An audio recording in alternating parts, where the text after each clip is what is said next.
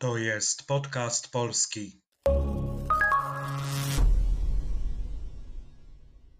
Cześć, witam w kolejnym odcinku podcastu polskiego, audycji dla tych wszystkich, którzy uczą się polskiego i chcą popracować nad rozumieniem ze słuchu i nad wzbogaceniem słownictwa. Dzisiaj chciałbym opowiedzieć krótko o tym, jak w Polsce obchodzimy święto Trzech Króli.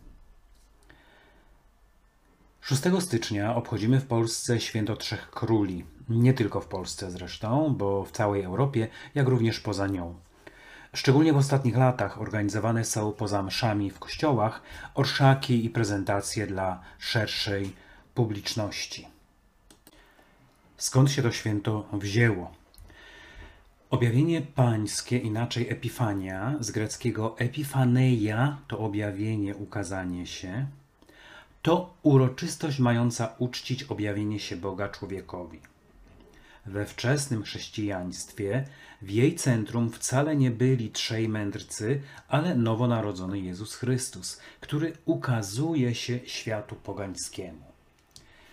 Jednym z symboli tego święta jest historia opisana w Ewangelii Mateusza, według której mędrcy ze wschodu przybyli do Betlejem, aby oddać pokłon Jezusowi.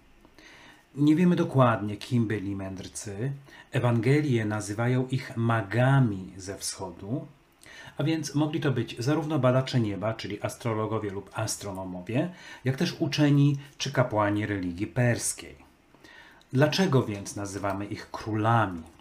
Otóż biblijny Psalm 72 mówi między innymi, że, tu cytat, oddadzą mu pokłon wszyscy królowie, wszystkie narody będą mu służyły.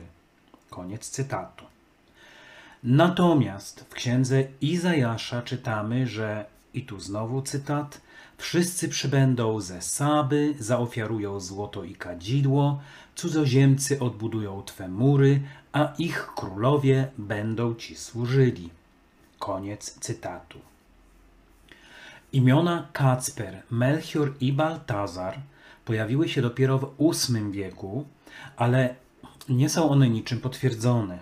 Zgodnie z tradycją, Kacper przedstawiany jest najczęściej jako ofiarujący mirrę Afrykańczyk, Melchior jako dający złoto Europejczyk, a Baltazar jako król azjatycki przynoszący kadzidło.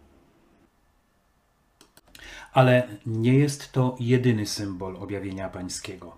Należą do nich też chrzest Chrystusa w Jordanie i cud przemienienia wody w wino w Kanie Galilejskiej.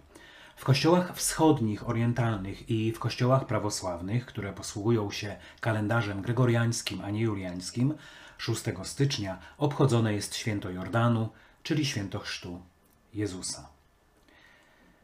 Pomówmy trochę o zwyczajach. Zwyczaj święcenia złota i kadzidła narodził się na przełomie XV i XVI wieku.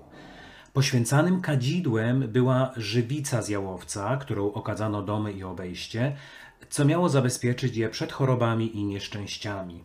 W tym samym celu poświęconym złotem dotykano szyi.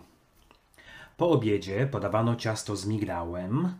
Ten, kto natrafił na kawałek z nim, zostawał królem migdałowym. W wielu miejscowościach dzieci chodziły od domu do domu z gwiazdą i śpiewały kolendy o trzech królach, za co otrzymywały rogale zwane szczodrakami. Przy kościołach stawiano stragany, na których sprzedawano kadzidło i kredę.